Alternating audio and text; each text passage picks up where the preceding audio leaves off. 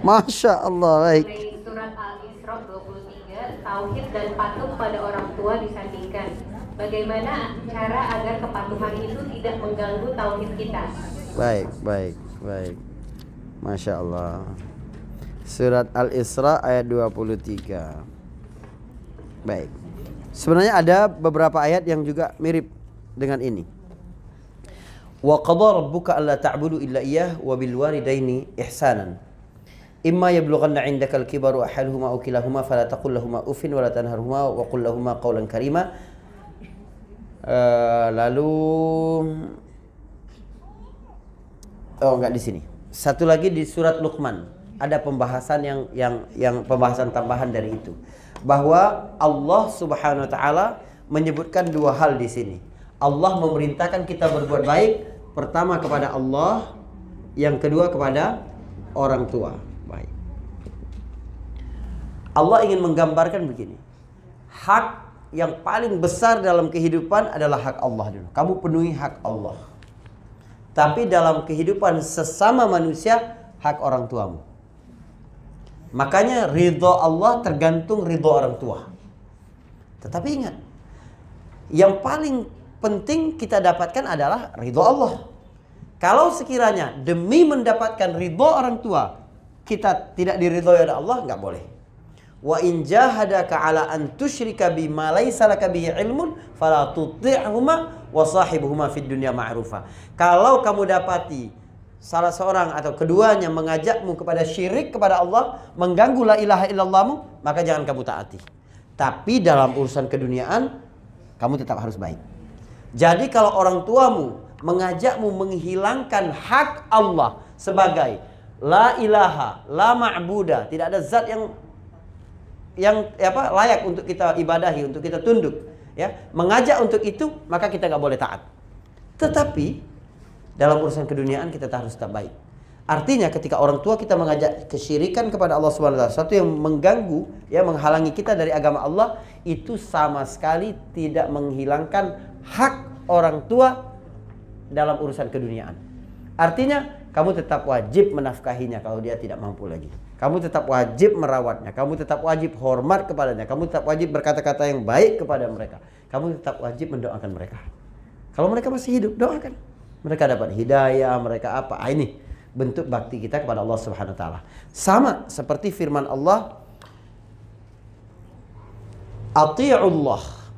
Taatlah kepada Allah. Perhatikan. Ati'ullah, taatlah kepada Allah. Wa ati'ur rasul, taatlah kepada Rasul. Wa ulul amri minkum dan pemimpin-pemimpin kamu pada kalimat, pada kata Allah dan Rasul ada kata taatnya. Pada kata pemimpin tidak mengikuti taat yang tadi. Jadi kita wajib taat kepada pemimpin selagi pemimpin itu taat kepada Rasul, taat kepada Allah. Kalau pemimpin tidak taat kepada Rasul, tidak taat kepada Allah, maka tidak ada pula ketaatan bagi pemimpin. Tidak berdiri sendiri ketaatan kepada pemimpin. Baik. Bismillah, Assalamualaikum Ustaz. Ya. Kadang kebanyakan orang tidak sadar perbuatan yang dianggap biasa sudah masuk dalam kategori menghadirkan Tuhan-Tuhan kecil yang Baik. mana itu jatuhnya syirik. Baik. Nah, agar perbuatan-perbuatan yang dianggap biasa tersebut tidak menjadi syirik, Hmm. batasan apa saja yang harus kita pegang kuat? Baik. Masya Allah. Pertama memang upgrade terus ilmu. Kita nih terjerumus kepada kebodohan, kepada dosa, itu banyak karena ilmu kita kurang. Kalau ilmu kita cukup, insya Allah kita lebih hati-hati. Ya, kenapa ada rasa takut di dalam hati manusia? Karena ilmunya nyampe. Anak kecil, ya, sendirian di ruangan ini ya, terus kamu lepasin harimau gitu, dia senang banget nih, indah banget warna-warni ya nggak? Kenapa dia nggak takut? Ilmunya nggak nyampe. Kalau kita kabur kan, kenapa? Karena ilmu kita nyampe. Nah, jadi upgrade ilmu. Kemudian yang kedua adalah berdoa kepada Allah. Nabi mengajarkan kita doa tentang syirik ini bagus sekali. Ya, Allahumma inni nanti uh, insyaallah do, ingatkan itu sebelum iman pet berikutnya kita tayangin. Allahumma inni a'udzubika min an usyrika bika wa ana a'lam wa astaghfiruka lima la alam. Ya Allah, ampuni as, Allahumma firli. Hmm, bentar. Kok jadi lupa? Apa? Allahumma inni a'udzubika. Ya Allah, aku berlindung kepadamu dari menyekutukan engkau dan aku tahu akan hal itu. Dan aku mohon ampun kalau aku tidak tahu, tidak sengaja melakukan itu. Jadi kalau kita tidak sengaja Allah ampunkan, kalau kita tahu kita tidak terjumus kepada perbuatan-perbuatan syirik itu. Baik, baik. Mohon jelaskan kembali dan berikan contoh kesehariannya seberapa ikhlas mengakui Allah. Seberapa ikhlas kita mengakui Allah Subhanahu wa taala. Baik. E, dalam kehidupan sehari-hari gimana? Masya Allah. Jadi begini. Hmm. Saya nggak tahu ini kena apa tidak. Ada lima lima hal yang kita dapatkan kalau kita memang benar-benar merasakan kehadiran Allah dalam kehidupan kita ini. Yang pertama adalah syukur. Yang kedua adalah sabar. Yang ketiga adalah raja, harap. Yang ketiga adalah khauf, takut. Yang kelima adalah muraqabatullah, perasaan diawasi Allah, pengawasan Allah. Pengawasan Allah, baik. Syukur, sabar, harap, takut, merasa diawasi oleh Allah Subhanahu wa taala. Kalau kita benar ya merasakan kehadiran Allah dalam kehidupan kita itu kita akan selalu penuh syukur. Karena nggak mungkin Allah meletakkan kita di tempat yang salah itu nggak mungkin. Ya, semuanya berdasarkan perhitungan, berdasarkan kuasa, berdasarkan kebaikan Allah. Yang paling dominan dari sifat Allah itu apa? Rahman Rahim. Allah punya banyak sekali nama. Tetapi yang menyertai kita dalam kehidupan sehari-hari itu dua nama itu. Makanya kita melakukan amalan apa pun kita mengucapkan Bismillahirrahmanirrahim. Ya, Allah Maha Pengasih, Maha Penyayang. Ini ini dua dua nama yang menyertai kita ke mana-mana itu. Rasa syukur. Sabar juga begitu. Bahwa kita selalu berprasangka baik kepada Allah terhadap hal-hal buruk yang terjadi kepada kita pasti ada maksudnya Allah melakukan itu. Kurang apa sih Allah cinta kepada Nabi Muhammad SAW? Tapi dibikin yatim, tapi diambil ibunya, tapi diambil anak laki-lakinya dua orang. Kurang apa itu coba? Apakah Allah tidak mampu membuat Nabi hidup semuanya tenang, ya orang tuanya lengkap, semuanya lengkap semua? Mampu tidak? Mampu tidak Allah melindungi Nabi terus tidak disakiti orang Mekah, tidak dilempari kotoran, tidak diganggu sholatnya? Tidak. Karena ada maksud itu. Ya, ada proses-proses di situ gitu. Kita merasakan keindahan begini aja lah, ya. Uang walaupun sama-sama 100 ribu, tapi 100 ribu dikasih orang tua dengan 100 ribu hasil gaji pertama kita itu subhanallah indah banget. Kenapa? Karena ada kesusahan di situ, ada proses di situ, gitu.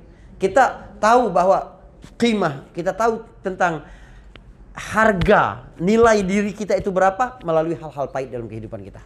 Kalau enggak kita enggak bakal tahu melalui kesusahan, melalui pengorbanan, melalui ya perjuangan itu baru kita tahu tentang diri kita. Kalau enggak tuh enggak bakal tahu. Walaupun kita memperoleh hal yang sama dengan orang lain. Tapi tanpa perjuangan, tanpa kesusahan, tanpa air mata, tanpa kita nggak bakal tahu nilai kamu itu seperti apa. Allah jika ingin menaikkan nilai seorang hamba, seorang hamba naik kelas, Allah akan uji itu semua. Ah, kita jadi sabar. Apa yang membuat manusia nanti dipersilakan masuk ke dalam surga? Salamun alaikum bima sabartum. Keselamatan atas kamu. Kata malaikat yang jaga surga nanti, keselamatan atas kamu karena kamu telah bersabar. Karena beriman kepada Allah ada konsekuensinya. Ya. Karena hidup di dunia ada konsekuensinya, ada semua ada. Tapi kita punya sabar karena punya keimanan ini. Yang ketiga adalah harap. Ya. Jadi kita tidak putus asa kepada Allah Subhanahu wa taala. Seburuk apa pun hari ini, kita tetap punya harapan bahwa Allah Maha baik ini. Kita merasakan kebaikan Allah ini. Ya, sebagaimana yang telah lalu kita rasakan, pasti begitu juga ke depannya, ya. Tapi jangan jangan berubahlah prasangka kita kepada Allah Subhanahu wa taala. Lalu takut. Takut di sini adalah takut yang membangun, ya. Takut itu menyelamatkan manusia loh ya.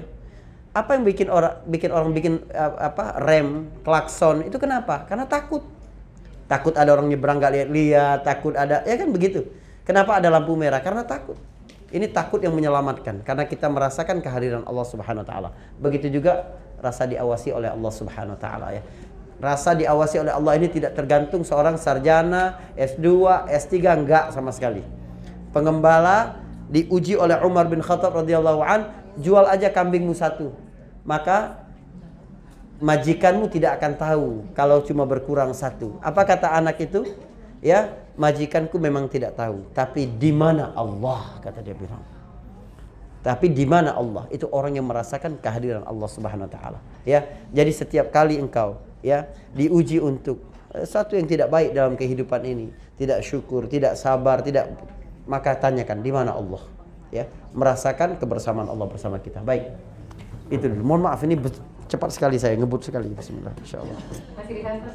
Teruskan insyaallah. Saat Bismillah. kita beribadah untuk mencari ridho Allah agar niat-niat dan segala yang kita kerjakan berhasil, apakah itu termasuk beribadah kepada Allah Subhanahu wa taala? Mengingat masih ada pamrih duniawinya. Baik, baik, baik.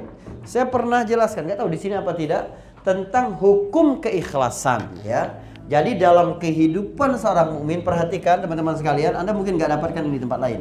Jadi mohon diperhatikan baik-baik. Ya.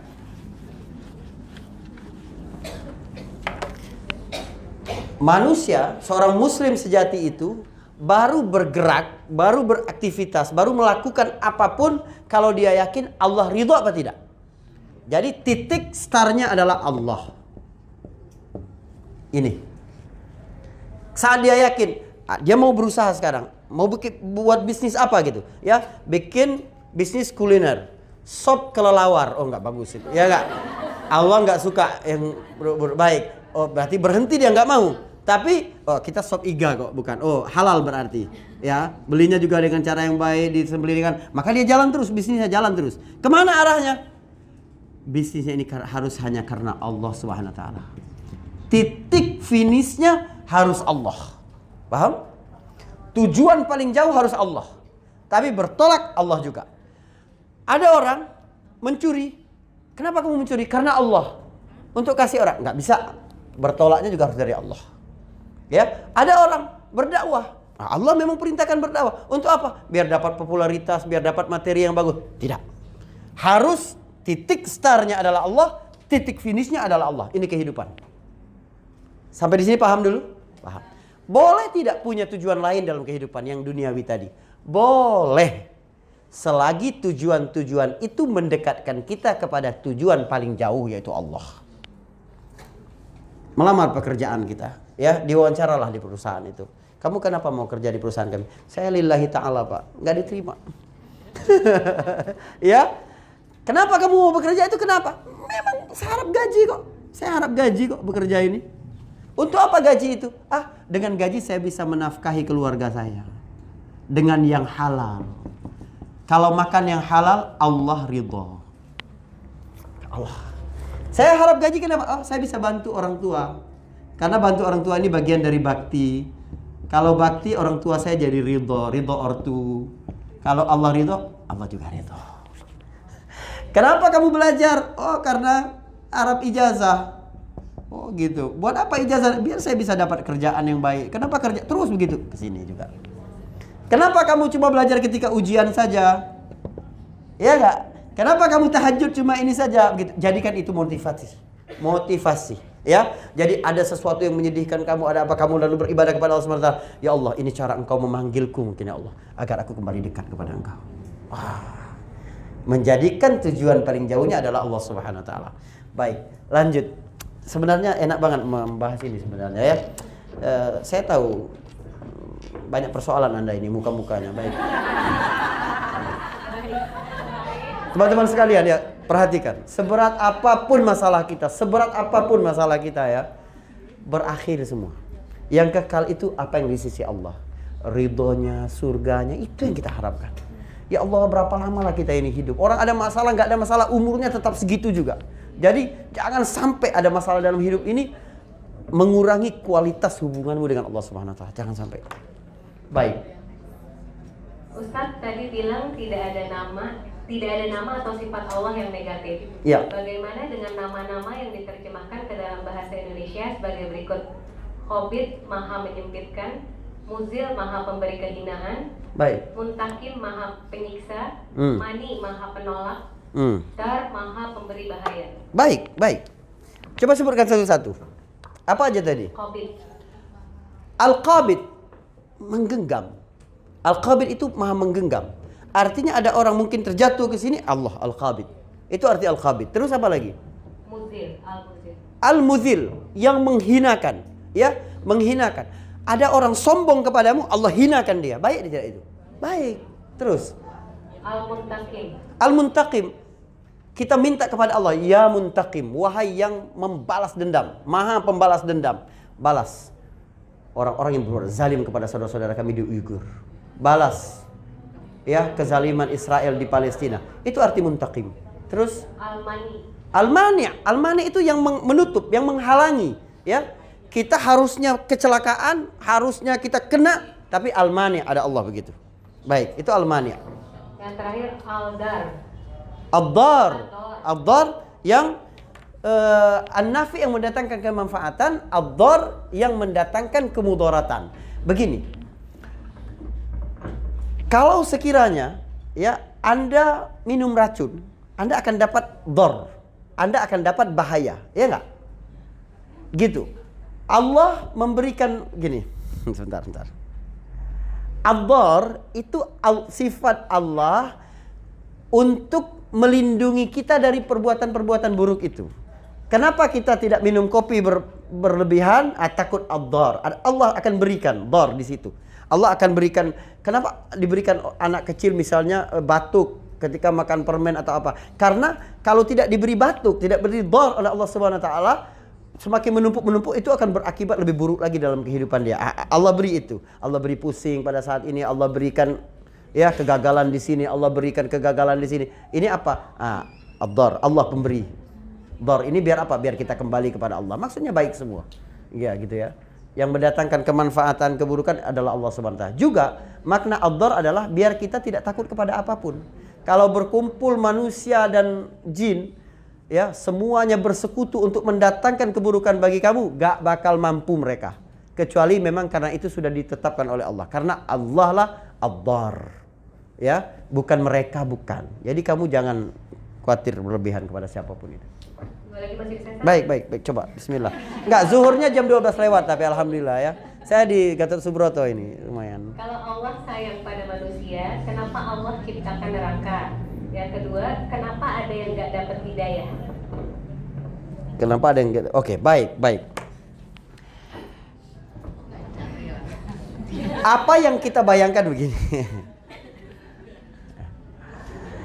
kamu kalau ada orang yang jahil sama kamu, kamu pengen dia ngapain sih coba? Ya, kalau tidak ada neraka, orang nggak takut mau berbuat jahat kepada kamu itu. Tapi karena Allah sayang kepadamu, maka Allah ciptakan neraka biar orang tidak semena-mena kepadamu. Allah sayang kepadamu, maka Allah ciptakan neraka biar kamu tidak melakukan perbuatan-perbuatan rendahan.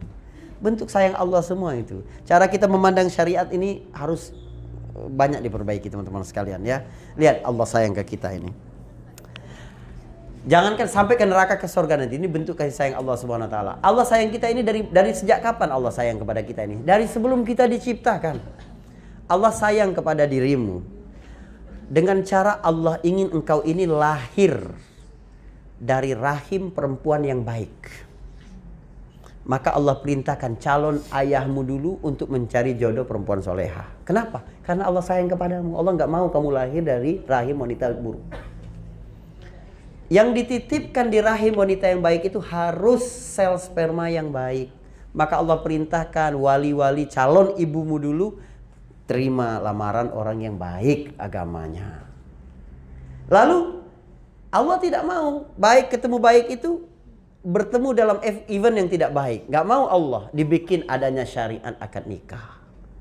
Setelah itu ketika sudah hamil Allah beri keringanan ibumu untuk tidak berpuasa. Kenapa? Agar tercukupi gizi yang ada di dalam dirimu. Allah lindungi engkau dengan tiga lapis kegelapan, ya tiga lapis rahim sampai ke perut itu ada tiga lapis. Biar apa? Biar ibumu, biar kamu tetap terpelihara walaupun ibumu naik ojek, becek, ya enggak gitu. Ah, kenapa? Bentuk kasih sayang Allah semua. Ketika engkau lahir Allah perintahkan begini. Ketika ya Allah perintahkan ibumu ingat ini titipan dari Allah taala. Sembelih akikahnya ya. syukur. Biar ingat itu adalah titipan dari Allah Subhanahu wa taala. Bahwa ini harus kita korbankan semuanya untuk Allah Subhanahu wa taala. Anak-anak kita nanti untuk Allah Subhanahu wa taala. Kenapa? Nilaimu harus tinggi di depan orang tuamu. Engkau harus orang tuamu wajib memberikan nama yang baik kepada dirimu. Kenapa? Allah sayang sama kita. Ketika kita kecil Allah sayang sama pandangan kita jangan melihat hal-hal yang tidak layak bagi kita. Maka orang tua kita disebutkan kamu harus kunci kamarmu tiga waktu. Harus minta izin kalau mau masuk ke kamar kamu itu tiga waktu. Sebelum sholat subuh, ketika sudah zuhur saat orang kepanasan biasa buka pakaian dan setelah sholat isya. Ini waktu-waktu sensitif. Allah sayang nggak mau pandangan mata kita itu pada saat belum layak melihat sesuatu yang tidak tidak boleh kita lihat, kita lihat. Coba bayangkan. Kita sama anak kita bebasin aja main handphone coba. Sayang Allah gimana coba? Begitu juga nanti. Allah perintahkan begini Allah. Itu karena sayang Allah semua. Sampai kapan? Sampai kita sudah mati. Apa kata hadis riwayat Tirmizi? Memecahkan, mematahkan tulang mayit jenazah yang sudah wafat sama kriminalnya dengan mematahkan tulang manusia masih hidup. Allah jaga fisik kita bahkan setelah kita mati. Apalagi kehormatan. Lata subul amwan. Jangan mencaci orang yang sudah mati karena mereka sudah sampai perhitungannya di sisi Allah. Gak usah kita sebut-sebut lagi udah amalan orang sudah mati. Jadi kehormatanmu walaupun engkau sudah mati, ah bentuk kasih sayang Allah. Apa pun Allah ciptakan ini itu tadi. Allah menciptakanmu untuk menyayangi. Itu kunci dalam kehidupan. Kenapa ada yang tidak dapat hidayah? Ya, dia yang berlindung. Hidayah ini seperti sinar. Allah sebut agama ini cahaya. Allah sendiri adalah cahaya. Malaikat cahaya. Al-Quran cahaya. Rasul cahaya. Di Quran disebutkan itu semua. Ya, apa sifat cahaya? Sifat cahaya tidak pilih kasih. Sama seperti sinar matahari, dia menyinari orang-orang tertentu saja apa enggak? Menyinari semua. Tapi kenapa ada orang yang enggak kena sinar matahari? Dia yang berlindung di balik tembok. Apakah matahari pilih kasih atau kita yang berlindung? Nah, ada orang yang berlindung dari cahaya hidayah ini di balik tembok fanatisme, tembok taklid, tembok kesombongan, tembok kebodohan, tembok lingkungan, tembok ah kita harus keluar dari tembok itu biar kita dapat hidayah itu baik. Yang terakhir, apa yang dimaksud dengan menyekutukan Allah dalam beribadah? Saya pernah mendengar bahwa Allah tidak akan mengampuni orang yang menyekutukan Allah yeah. dan harus berhati-hati dalam menyekutukan Allah dalam beribadah. Baik, baik, baik. Menyekutukan Allah dalam beribadah adalah artinya tujuannya sama gagah ke Allah dengan ke yang lain. Kalau seseorang ya melakukan satu perbuatan, misalnya sholat, ini sholat. Dia tidak akan sholat kecuali karena manusia, itu namanya syirkun niyah. Syirik dia sudah. Niatnya untuk manusia, bukan untuk Allah. Kalau manusia ini tidak ada, dia tidak sholat. Itu syirkun niyah. Tapi kalau seorang memang sholat, selalu sholat nggak ada manusia, ada manusia kita sholat. Tapi begitu ada manusia, ya, ah kita memperindahnya. Alhamdulillahirabbil alamin. Ah, ini eh, apa? Menyimpangnya setelah di dalam. Ini ria. Ria syirik kecil. Syirik kecil cuma membatalkan ibadah ini saja. Tapi kalau memang dari awal kita untuk manusia itu syirik besar. Batal semua amalan kita. Itu syirik dalam dalam beribadah ya, syirkun niyah namanya. Baik.